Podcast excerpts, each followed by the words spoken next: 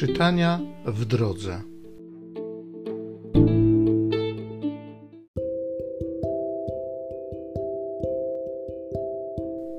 Z pierwszej księgi królewskiej.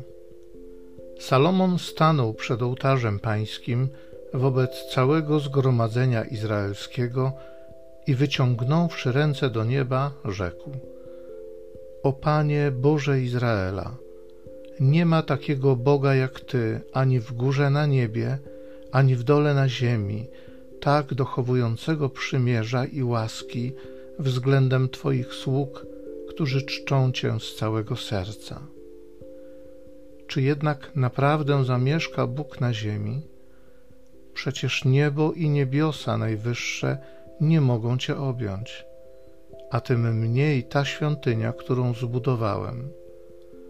Zważ więc na modlitwę Twego sługi i jego błaganie, o Panie Boże mój, i wysłuchaj tego wołania i tej modlitwy, którą dziś Twój sługa zanosi przed Ciebie.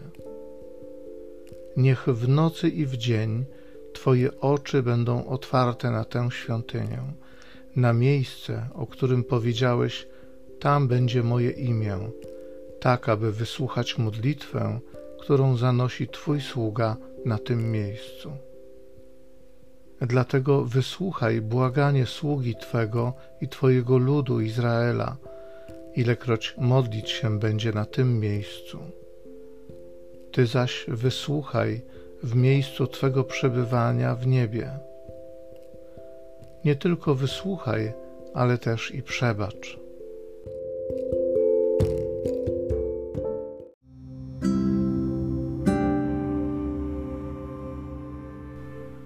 Psalmu 84 Jak miła, Panie, jest świątynia Twoja. Dusza moja stęskniona pragnie przedsionków pańskich.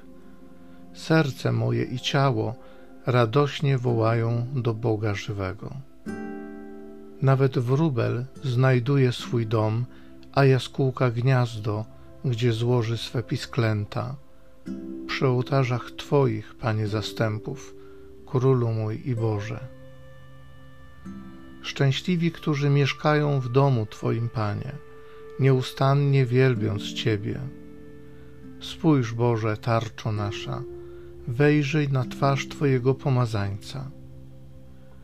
Doprawdy dzień jeden w przybytkach Twoich lepszy jest niż innych tysiące. Wolę stać w progu domu mojego Boga, niż mieszkać w namiotach grzeszników. Jak miła, Panie, jest świątynia Twoja.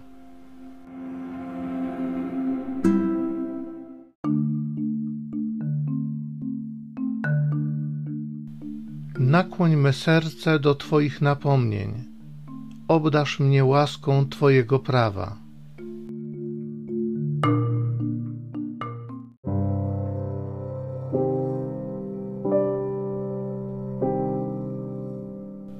Z Ewangelii według świętego Marka.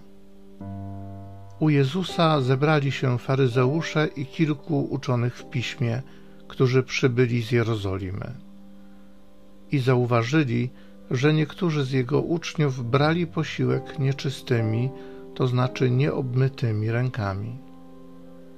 Faryzeusze bowiem i w ogóle Żydzi, trzymając się tradycji starszych, nie jedzą, jeśli sobie rąk nie obmyją, rozluźniając pięść. I gdy wrócą z rynku, nie jedzą, dopóki się nie obmyją. Jest jeszcze wiele innych zwyczajów, które przejęli i których przestrzegają, jak obmywanie kubków, dzbanków, naczyń miedzianych. Zapytali go więc faryzeusze i uczeni w piśmie, dlaczego twoi uczniowie nie postępują według tradycji starszych, lecz jedzą nieczystymi rękami? Odpowiedział im, słusznie prorok Izajasz powiedział o was, obłudnikach, jak jest napisane – ten lud czci mnie wargami, lecz sercem swym daleko jest ode mnie. Ale czci mnie na próżno, ucząc zasad podanych przez ludzi. uchyliliście przekazanie Boże, a trzymacie się ludzkiej tradycji. Dokonujecie obmycia dzbanków i kubków i wiele innych podobnych rzeczy czynicie. I mówił do nich: Sprawnie uchylacie Boże przekazanie, aby swoją tradycję zachować. Mojżesz tak powiedział: Czci ojca swego i matkę swoją, oraz kto złorzeczy ojcu lub matce, niech śmierć poniesie. A wy mówicie: Jeśli ktoś powie ojcu lub matce korban, to znaczy darem złożonym w ofierze jest to, co miało być ode mnie wsparciem dla ciebie, to już nie pozwalacie mu nic uczynić dla ojca ani dla matki. I znosicie Słowo Boże ze względu na waszą tradycję, którą sobie przekazaliście. Wiele też innych, tym podobnych rzeczy czynicie.